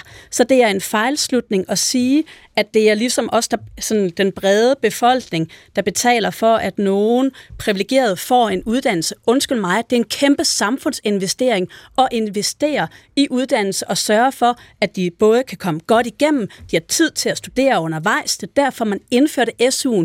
Det var faktisk mm. både for, at der var alle kunne komme ind, hvis de havde evnerne til det, det vil sige, at det ikke havde en social slagside og var betinget af dine forældres indtægt, men det var også for, at man faktisk havde tid til at få noget ud af det, fordi vi bruger penge på uddannelse, og det skal vi. Og det gør vi jo faktisk, fordi at de skal have tid til at komme til undervisning. Det vil sige, at hvis man skal have et fuldtidsarbejde ved siden af, så får du ikke ret meget ud af uddannelseskronerne. Så derfor er SU'en faktisk en hammerne god investering for samfundet. Det er derfor, vi har lavet den. Godt. I dagens PIT-debat spørger vi, er den danske SU-model forkælet eller fantastisk? Esker øh, Kær Sørensen, velkommen til dig også. Tusind tak. Du er forperson hos Danske Gymnasieelevers øh, sammenslutning. Vi har jo øh, inviteret dig også, Asger, fordi vi godt kunne tænke os, at du lige skulle forklare lidt om den her øh, aktion, kunne man kalde det, øh, blokade, kunne man kalde det, som, som du har været med til at planlægge. Altså hvor en øh, række gymnasieelever på forskellige gymnasier over øh, hele landet sådan set har blokeret for lærerværelserne, som jeg forstår det, for simpelthen at sætte en stopper for undervisning, øh, ja, for at protestere mod øh, udsigten til, at det 6. SU-år skulle sløjfes. Mm. Prøv lige at forklare lidt om, hvad det gik ud på. Ja, men der er jo en masse gymnasieelever, som meget forståeligt nok ikke har lyst til, at øh, de skal have dårligere uddannelsesmuligheder, end deres forældre har haft. De har ikke lyst til, at de skal vil kunne sætte sig i gæld, hvis de vælger forkert, når de skal vælge uddannelse. Og derfor er der jo rigtig mange, der har øh, besluttet demokratisk ud på skolerne, at det vil vi protestere imod. Vi vil arrangere undervisningsnedlæggelser, ligesom der også var arrangeret øh, demonstration på Slotsholmen med bred opbakning fra elever og studenterorganisationer fra hele uddannelsessystemet, flere adskillige fagforeninger, øh, både fra FH og Akademikernes centralorganisation, og også øh, altså bred opbakning fra flere af oppositionspartierne. Altså, hvordan foregik det sådan helt lavpraktisk? Var det simpelthen, at I fandt de, de bredeste øh, elever på, på gymnasiet, og så stillede de sig blokeret for dørene, eller hvordan, hvordan foregår sådan noget? Ja, man har jo taget en beslutning på skolen øh, demokratisk om, at vi vil protestere imod det her, vi vil nedlægge undervisningen, og så har man jo så øh, informeret lærernes tillidsrepræsentant omkring, at det var en proces, der vil så komme til at ske. Mm. Øh, og nogle steder har man så lavet de her undervisningsblokader, og andre steder har man så lavet altså mere en form for strække fællesafgang, hvor vi nu tager vi alle sammen mm. til øh, demonstration, og så altså blokerer man så for, at undervisning kan foregå, og nedlægger undervisning i protest mod øh, at man vil stramme skruen omkring ungdommen. Mm. Det, vi, man gjorde det for eksempel på dit gamle gymnasium, ved jeg, Aarhus øh, Statsgymnasium. Ja. Øh, ikke? Mm. Øhm, hvis du sådan husker tilbage på den tid, at lærerne der, de synes garanteret, at det var super fedt med sådan en øh, demonstration, gjorde de ikke det? Øh, lærernes fagforening bakker jo op om den her demonstration, fordi de godt ved, at vi bliver nødt til at have et fleksibelt uddannelsessystem, og også fordi de nok kan mærke på deres elever, at det her det vil kun øge presset endnu mere, hvis man heller ikke kan vælge forkert, uden at skulle sætte sig i gæld. Mm. Det skal simpelthen ikke være det, der afhænger af et fleksibelt uddannelsessystem, der kommer hele samfundet til gode. Er det en god idé, hvis man sådan kigger isoleret på den her blokade at nedlægge undervisning, umuliggøre undervisning, også for, for de lærere, som står og skal passe deres arbejde? Er det en god idé at gøre det? Jeg synes, det er en god idé at protestere, når der er nogen, der vil gøre noget, som man er uenig i. Det er at bruge sin demokratiske ret til at demonstrere. Det synes jeg er øh, beundringsværdigt og fantastisk, at vi har en ungdom, der går op i deres fremtid, går op i deres uddannelsespolitik og gerne vil være med til at forme den. Mm. Det synes jeg kun er positivt. Men hvorfor stiller man så ikke bare ud på gaden så med nogle skilte, man selv har malet eller andre kreative ting, og i stedet for at ødelægge undervisningen? For det kan jo sagtens være, at studerende er jo øh, forskellige. Det kan vi også se på dagens øh, øh debat. Der, der er masser, der sådan set øh, er synes, det er fint at få kottet i, i SU'en. Hvorfor ødelægge undervisning? Man stiller sig jo også ud på gaden med skilt. Det gør man jo også. Man, man, det er fordi, der er nogle steder, hvor man simpelthen har truffet en beslutning demokratisk på skolen om, vi vil gerne som samlet skole sige fra over for det her. Vi vil gerne protestere imod det her. Og så er der jo nogle steder, hvor man ikke har truffet den mm. beslutning, fordi det ikke var øh, de øh, træk, man vil tage for at protestere imod det her. Det er jo forskelligt fra skole til skole, mm. hvad man har lyst til, og det er der nogen, der har gjort det, og nogen, der ikke har gjort det. Øh, Niels Peder Ravn, velkommen til dig. Tusind tak. Nu tænder jeg også lige for din mikrofon, hvor er jeg dygtig. Tak, en dygtig radiovært i dag, ikke? Jo, øh, øh, fra øh, borgerrepræsentation i København, selvfølgelig fra Konservativ Folkeparti. Hvad synes du om den metode, altså man simpelthen lukker ned for undervisning, blokerer dørene, så lærerne ikke kan komme på arbejde? Jamen altså, det er jo, øh, undskyld mig, det er jo dybt åndssvagt. Altså, prøv at høre her. Forleden dag, der introducerede Weekendavisen Sanne Libak et, øh, hun genintroducerede et ord, som jeg er vild med, og som jeg også vil bruge i dag. Hun sagde, jammerkommoder, og det er lige præcis det, vi har med siger du, jammerkommoder? Jammerkommoder. Det er sådan nogle, der står helt fyldt over i hjørnet, og så i øvrigt øh, bare knirker lidt en gang imellem. Hør nu her. Danske studerende er jo nogle af verdens mest privilegerede mennesker. Gratis uddannelse, og ovenikøbet også penge for at få lov til at studere. Jeg vil godt lige prøve en gang at sige, hvordan det egentlig foregår ude i det virkelige liv. For det, man nemlig burde gøre her, for at gøre alting bedre for alle, det var, at man faktisk måske burde fjerne øh, grænsen for det, vi kalder for fribeløbet, altså de penge, man kan tjene som studiejob, uden at miste sin SU. For jeg kan godt sige, at det, der sker derude, det er, at de unge mennesker rent faktisk spekulerer i, hvor meget de kan arbejde, sådan at de kan beholde deres SU. For der er jo ikke nogen, der siger nej tak til gratis penge. Så det ville være måden at gøre det på. Jeg kan se på mine egne, øh, eller nogle af de unge mennesker, som, som jeg kender, nogle af dem er besudlet med mine borgerlige gener, og det beklager jeg naturligvis. men, men det er jo det, de gør. De arbejder, de studerer, men de sikrer sig, at de ikke arbejder så meget, at de mister deres SU. Og det er jo i virkeligheden det, der er et kæmpestort problem for samfundet. Lad os lige prøve at få skåret det helt ud i Parbæk, fordi den her øh, blokade og de demonstrationer, vi har set, det er jo for øh, bevarelse af de 6. SU-år. Hvad, hvad konkret øh, øh, mener du om, om, om det? Altså, jeg mener helt konkret, at, at øh, jeg, jeg faktisk så synes jeg, at kandidaten skulle være lånebaseret, okay. hvis, hvis jeg er helt ærlig. Fordi vi har altså mennesker her, som kommer ud, de er ret sikre på at, at få et ret højt betalt job med det samme, og som Jens Christian Lytten blandt andet har belyst her i den forrige time, jamen så får man jo et rigtig godt lån, som er til at betale tilbage.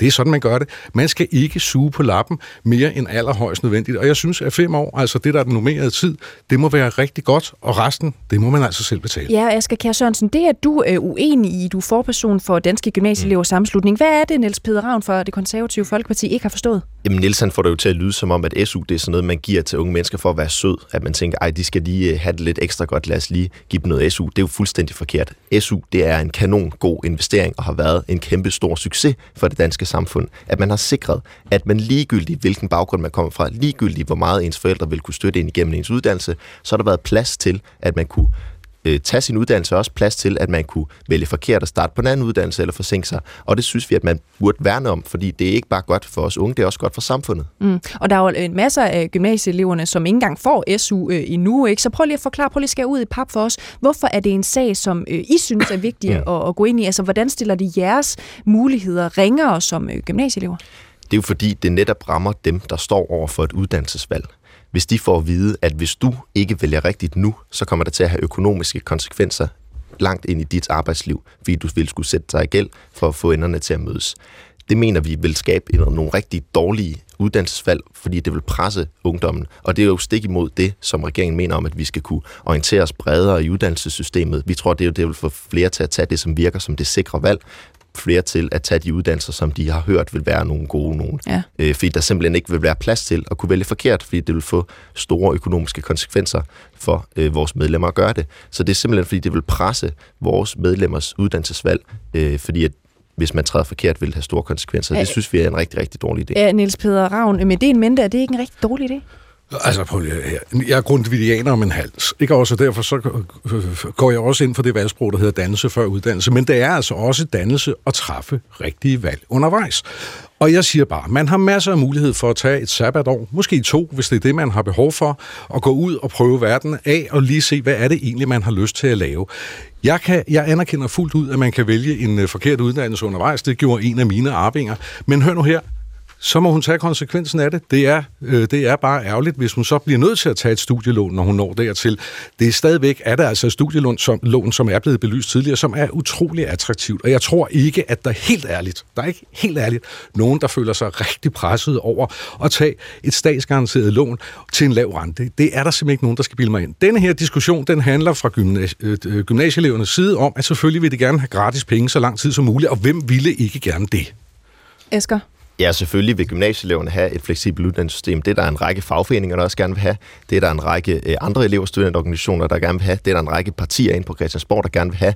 Øh, Københavns Professionshøjskole øh, har også været ude, eller øh, Danske Professionshøjskole har været ude og sige, at det var en dårlig idé. Stressforskere har ude og været udtalt og sige, at det var en dårlig idé. Det er ikke bare gymnasieelever, der gerne vil have gratis penge. Det er en bred alliance af organisationer, forskere, fagforeninger, der står sammen om at bevare fleksibiliteten i vores uddannelsessystem, fordi det er en rigtig god idé idé, fordi det har været en rigtig god investering, og fordi det har været en kanon succes mm. gennem adskillige år nu. Okay, Jan uh, Andersen skriver ind til os på 1212'eren. Jeg vil aldrig have fået en videregående uddannelse uden en fleksibel SU. Jeg er typisk mønsterbryder og måtte lære at studere og lære at tage fejl. Det kostede noget ekstra tid. Venlig hilsen Jan Andersen fra øh, Nørrebro. Øh, øh, Jens Christian Lytgen, som beskæftigelsesborgmester i København. Hvordan i alverden kan du da øh, gå imod det input, som kommer fra Jan Andersen her? Fordi det absolut værste, der kan ske med det her, det er et, man bliver tvunget til at tage et SU-lån til en meget, meget lav øh, rente, som man får lov til at betale af år uendelig mange år. To, at man kan blive tvunget til at tage et studiejob. Og udover at være sådan en halvdårlig substitut for regeringen, så er jeg jo beskæftigelsesborgmester, der kan vi jo bare se, at øh, det, der har den allerstørste effekt i forhold til at få nyuddannet i arbejde, det er jo, hvis man har haft et studiejob. Så har man været ude på arbejdsmarkedet. Mange bliver ansat de steder, hvor de har haft et studiejob.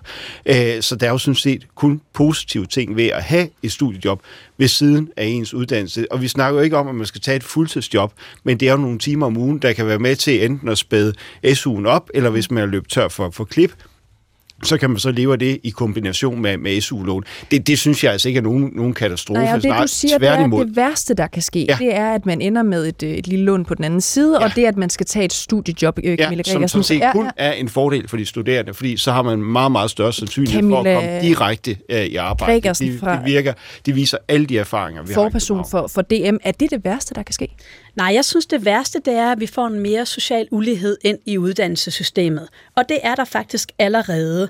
Men der er SU'en med til at sørge for at udligne en smule af de uligheder, der er. Børn fra ikke-akademiske hjem allerede nu skifter oftere studie undervejs, end dem, der kommer fra et akademisk hjem. Og derfor er det i høj grad dem, der faktisk har brug for det fleksible SU-år. Vi kan også se, at de studerende, der har ufaglærte forældre, allerede nu ender med at have 50 procent mere studiegæld end unge, fra, der kommer fra et akademikerhjem. Og det betyder jo noget, hvad det er for en baggrund, man har. Og derfor skal vi selvfølgelig værne om vores SU og sørge for, at alle kan gennemføre de studier, som de har lyst til og evner for. Og derfor er det faktisk rigtig vigtigt at slå, vær, at slå, stå meget hårdt på og sige, det er ikke tid til SU-forringelser. Og hvis jeg må sige en ekstra ting, så vil jeg sige helt ærligt, mm. jeg har set den ene reform efter den anden, der går ud over de unge mennesker. Jeg er så træt af, at det er de unge mennesker, der hele tiden skal holde for. De har været igennem fremdriftsreform, de har været igennem uddannelsesloft, lige her i sommer har den nye regering har vedtaget, at man skal forkorte deres uddannelser på universiteterne, så man på rigtig mange af dem sker et helt år fra. Helt ærligt, er det tid til, at det igen er de unge, der skal holde for? Jeg synes simpelthen ikke, vi kan være det bekendt. Okay, Jens Christian Lytken, vil du lige svare på det? Jamen, altså, jeg har meget, meget svært ved at se, at øh, det her det skulle være en, en kæmpe stor katastrofe. Vi har verdens højeste SU, vi har gratis uddannelse. Jeg synes, hvis man skulle blokere lærerværelser og gå på gaden for noget, så var det jo at bruge øh, pengene på, på uddannelserne frem for, øh, for, for SU'en i stedet for. Øh, og man også spørge dem, der er så meget imod det her, altså Øh, man kunne også bare vælge at droppe det her og sige, jamen øh, så kommer der ikke nogen ekstra penge til, øh, til kvalitet på, på uddannelserne. Til gengæld så beholder man det 6. SU-år. Øh, det, det synes jeg ikke rigtig får noget øh, klart svar på. Hvad er det, der er vigtigst? Er det SU'en, eller er det kvalitet på, på uddannelserne? Hvis man er nødt til at prioritere, og det er man jo som regering og politiker, man kan ikke bare trykke nogle ekstra penge, man er nødt til at bestemme sig, vil man det ene eller det andet. Ja, Esben Salmonsen, når du siger, nej, jeg vil ikke vælge, jeg kan få øh, begge dele. Jamen det er jo fordi, det grundlæggende er forkert. Det er fordi, regeringen vælger at prioritere os som unge mega lavt. Det var os, der skulle øh, betale med vores arbejdsudbud i den kandidatreform, I lige lavede. Så blev øh, den der besparelse på, på senior øh, pensionen blev vist rullet tilbage, eller hvad Arne Plus, eller hvad den nu hed. Øh, der kunne man godt finde pengene til at sløjfe den besparelse. Og nu kommer vi til SU'en igen, så vi igen skaffer arbejdsudbud på de unge. Men, men det, er jo ikke regeringens penge, det, er, det, det er jo andre menneskers penge, du taler om. Det er folk, der betaler skat. Øh, Nej, det... det er det ikke. Fordi det her handler om arbejdsudbud. Det her handler grundlæggende om, at vi er ved at skrue et uddannelsessystem sammen, hvor det skal gå hurtigere, hurtigere, hurtigere, hurtigere. Jeg synes, vi skal gå en anden vej hvor der er tid til eftertanken, hvor der er tid til fordybelsen, og hvor der er tid til fagligheden. Fordi det er jo rigtigt nok, som du sagde før, at det kan være rigtig fint at have studiejob. Det er der vildt mange studerende, der har. Fordi ellers kan man ikke have en bolig i den kommune, øh, som du borgmester for. Så kan man faktisk ikke få det til at løbe rundt.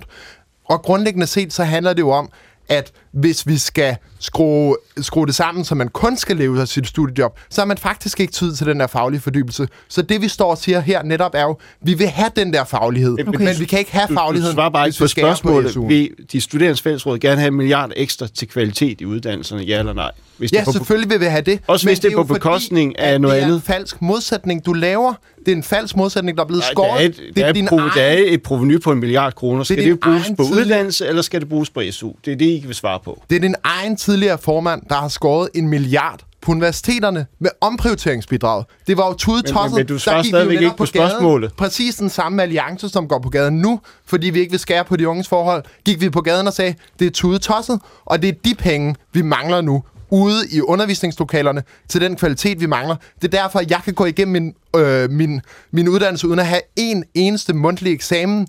Det er fordi, der er skåret helt ind til benet på kvaliteten, fordi at Venstre og din formand har gjort det tidligere. Det er ikke et udtryk for at prioritere uddannelse, det er I gang med. Det er et udtryk for, så skærer vi lidt ned af det eneste, Ja, og så skærer vi lidt ned af det det- andet. Men, men det er jo lige præcis det, der drejer sig om at prioritere. I, I svarer ikke på spørgsmålet. Det er jo lidt en gratis omgang at stå i spidsen for den her alliance, som ikke vil pege på, hvor pengene skal Ej, men komme Jens fra. Christian Lytten, med al, med al respekt, du bestemmer vel ikke, hvor øh, Esben Salomonsen øh, skal tage pengene fra. Han ønsker begge dele. Øh, vi har lige Jo, jo, det er det er det er det er jo der er et kæmpe nok at have det øh, politiske rådighedsbeløb på mange, men- mange men det er milliarder. Undskyld, undskyld, Jens Christian Lytken. Øh, kæmpe rådighedsbeløb på mange, mange milliarder kroner. Man kan bare tage pengene derfra. Hvorfor skal man skære i SU'en for at gøre uddannelserne bedre, når det har været jeres politik, skiftende regeringers øh, politik at skære på uddannelserne? Fordi vi gerne vil have et, øh, et budget, øh, der er i balance, og hvor man ikke hver gang, man har et eller andet, som man gerne I vil, så bare bare lave. tager det fra, fra rådighedsbeløbet. Så er der jo ikke noget rådighedsbeløb til, til sidst. Jeg synes, Hvornår at det er Venstre væg... sidst investeret i uddannelse, uden at skære på uddannelse? Det må du godt svare på, Jens Christian Lytken. Jamen altså, det er jo lige præcis det, man gør nu. Nej, det gør du ikke. Du skærer jo på os unge. Hvornår har man det sidst sagt, vi vil rent faktisk prioritere uddannelse? Vi vil investere i unge. Har Venstre gjort det her, det, det i er tid også, som medlem af men Venstre? det er da også at investere i unge og sige, at vi vil bruge øh, pengene på kvalitet i uddannelserne frem Jo, jo, for men på, Jens på Christian Lytgen, der blev sagt, hvornår, hvornår har I investeret i uddannelserne uden at skære øh, på andre forhold Men, men for, det, det, hver unge gang man investerer noget, så skal pengene jo komme et sted fra. Uh, du, er, ja. det gælder du har ret. os som ung vælgergruppe, det gør- at vi det- skal finansiere det- det de ting, der kommer af præcis- investeringer på vores eget præcis område. på alle mulige andre- En gang, 16 en gang. milliarder i forsvaret, som Ja. ja. kommer fra råderummet. Mm. Der bliver investeret løbende i at sikre en bedre tilbagetrækningsordning, og det er sikkert fornuftigt. Det kommer heller ikke fra at skære ned på de ældre. Det er kun de unge, hvor man skal skære ned på os, skære ned på os unge for at investere i os. Og jeg synes, du mangler grundlæggende at svare på, hvad er Venstres ambitioner for de unge? Er det at rykke lidt rundt på nogle kommaer, eller er det rent faktisk at investere i uddannelse og investere i unge, så vi får et bedre En, uddannelsessystem? en milliard Kort svar. kroner til, til kvalitet, det synes jeg sådan set er at have ambitioner på de unges vilkår. Godt. Øh, Og sige, at man så kan finansiere enten ved at låne det sidste år, hvis man har behov for det, eller tage et studiejob. Okay, Steffen Sjørslev, nu har du stået med hånden i vejret øh, og ventet øh, pænt. Nu skal du have lov til at komme til mikrofonen. Altså, det, det lugter jo langt væk af, at man føler, at man har krav på andre menneskers penge. Altså, når vi render rundt i den der alliance, altså, jeg tvivler på, at der er en, ikke er en eneste borgerlig elev, der er med der. Altså, de er jo alle sammen flygtet. De er med i konservative studerende, eller Frit Forum endda også. Eller ikke med i noget. Altså, de er jo flygtet væk. Mm. Det er jo øh, kendt, at alle borgerlige ikke føler sig repræsenteret. Det er faktuelt. Borgerlige elever føler sig ikke repræsenteret. Dengang, der var også øh, blokader, dengang jeg var studerende, der var, tog jeg så til et andet oplæg, fordi der var nogen, der arrangerede et oplæg for, at man stadig kunne få noget uddannelse. Mm. Men jeg synes, at når der kommer den her gentagende gange, altså, jamen, det virker, ja, vi kaster 16 milliarder efter SU. Selvfølgelig er der et eller andet ben, der splitter, hvis man kaster 16 milliarder efter det. Der er ikke særlig stor evidens for, at vi får noget for pengene i en høj grad. Altså, vi kan sagtens gøre lånebaseret, vi kan spare rigtig meget på det. Altså, hvis jeg kastede 6-16 milliarder efter et eller andet, på et eller andet tidspunkt, så ville den frø nok hoppe. Okay, øh, lad os lige prøve at byde velkommen til en øh, lytter, som har ringet ind til os. Det er Jesper, som er tidligere studielektor, så vidt jeg forstår. Velkommen til PET Debat, Jesper. Tak for det. Hvad er dit indspark til den her debat om det 6. SU-år?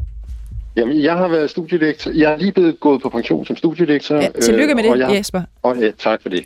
Øh, og jeg har jo oplevet gennem, specielt de sidste 10 år, studerende, der bliver hårdere og hårdere presset. Og jeg har også oplevet studerende, som simpelthen ikke har kunnet overskue og skifte fag af den simple grund, at der ikke er luft i systemet.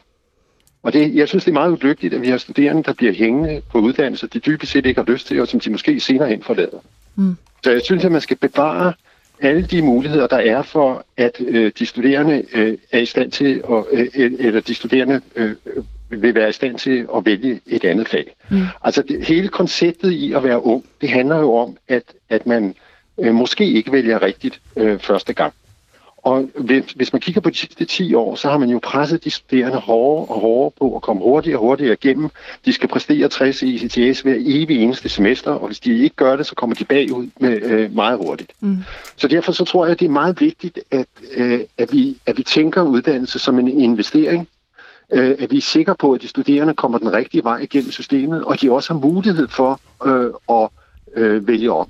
Og, det, og det, der sker, det, der sker, det er jo, at vi producerer flere og flere studerende med psykiske vanskeligheder. Og hvis man er i tvivl om det, så skal man bare ringe over i, studieråd, i, i studenterrådgivningen, f.eks. på Københavns Universitet. De har rigeligt at lave. Mm. Og det er jo ikke specielt sårbare mennesker, som får angst og depression i det her system. Det er helt almindelige unge mennesker, som er presset fra alle ledere og kanter. Mm. Og hvis man fjerner det 6. studieår, så gør man det kun værre. Ja, så Jesper, og jeg er, sikker, sådan, jeg er som, sikker på, at det er en dårlig investering. Okay, sådan som jeg hører dig, så synes du måske også, det er sådan lidt forfejlet, hvis man, det bliver jo ikke sagt direkte, men du skal se, øh, sagt lidt mellem linjerne, altså at de her øh, studerende er lidt øh, forkælet en gang imellem. Det kan du ikke genkende det billede? Jeg kan slet ikke genkende det der billede. Altså mit, øh, min øh, erfaring med studerende, det er, at de er vanvittigt dedikerede, de er dygtige, de er flittige, og hvis man giver dem noget luft til at tænke sig om, så sidder de jo ikke derhjemme og klør sig i røven, eller, eller spilder tiden med strikning eller computerspil. De går ud og afprøver nye kompetencer. De prøver alt muligt for at blive klogere. Okay. Altså det, det, er, det er simpelthen ikke rigtigt. Øh, de studerende er ikke... Ja, selvfølgelig er de privilegerede i kraft at de får betalt deres uddannelse, mm. sammenlignet med, med lande, hvor man ikke gør det.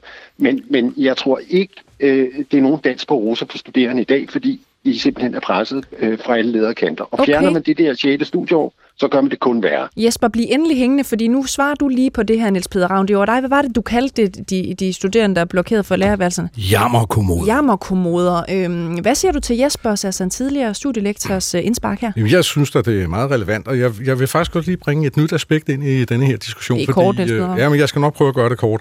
Uh, vi skal lige prøve at se på, hvordan ser det egentlig ud ude på arbejdsmarkedet. Det ser faktisk sådan ud, at inden for ganske få år, der vil vi have 50.000 akademikere i overskud. Derimod så vil vi faktisk mangle 80.000 faglærte håndværkere. Jeg kunne forestille mig, at nogle af de mennesker, der føler sig meget presset på de akademiske studier, måske havde haft bedre af at vælge en anden uddannelse, måske en faglært. Og jeg synes faktisk, at øh, vi skal prøve at se det her i det perspektiv også, altså at der faktisk er brug for folk derude, som ikke nødvendigvis er akademikere, for det er altså ikke en menneskeret at blive akademiker, og hvis man nu ikke har evnerne, så forstår jeg sgu godt, at man kan sidde og blive sådan en lille smule stresset op på sit lille kammer under taget. Camilla Gregersen, forperson for DM. Jeg er nødt til at sige her på vegne af den akademiske fagbevægelse, at det er nogle helt vanvittige tal, og de holder desværre ikke vand overhovedet. Men er det et problem, hvis færre øh, tager en øh, akademisk uddannelse i fremtiden? Øh, ja, det vil det, fordi om man har faktisk allerede tilpasset optaget på universiteterne. På rigtig mange af de her fag, der har du faktisk reduceret optaget med, hold fast, 50 procent. Og jeg tror for lytterne måske meget godt lige at få nogle proportioner på, hvad vi snakker om om et par år, så vil der komme i alt 3.000 personer ud med for eksempel en naturvidenskabelig universitetsuddannelse, og det samme for det humanistiske fakultet. Der bliver mangel de på rigtig mange af dem her i stedet for. De sidste ord for dagens P1-debat. Tusind tak, kære gæster og kære lyttere. Vi er tilbage igen i morgen. Mit navn er Cecilie Lange. Det her var P1-debat. Gå på opdagelse i alle DR's podcast og radioprogrammer. I appen DR Lyd.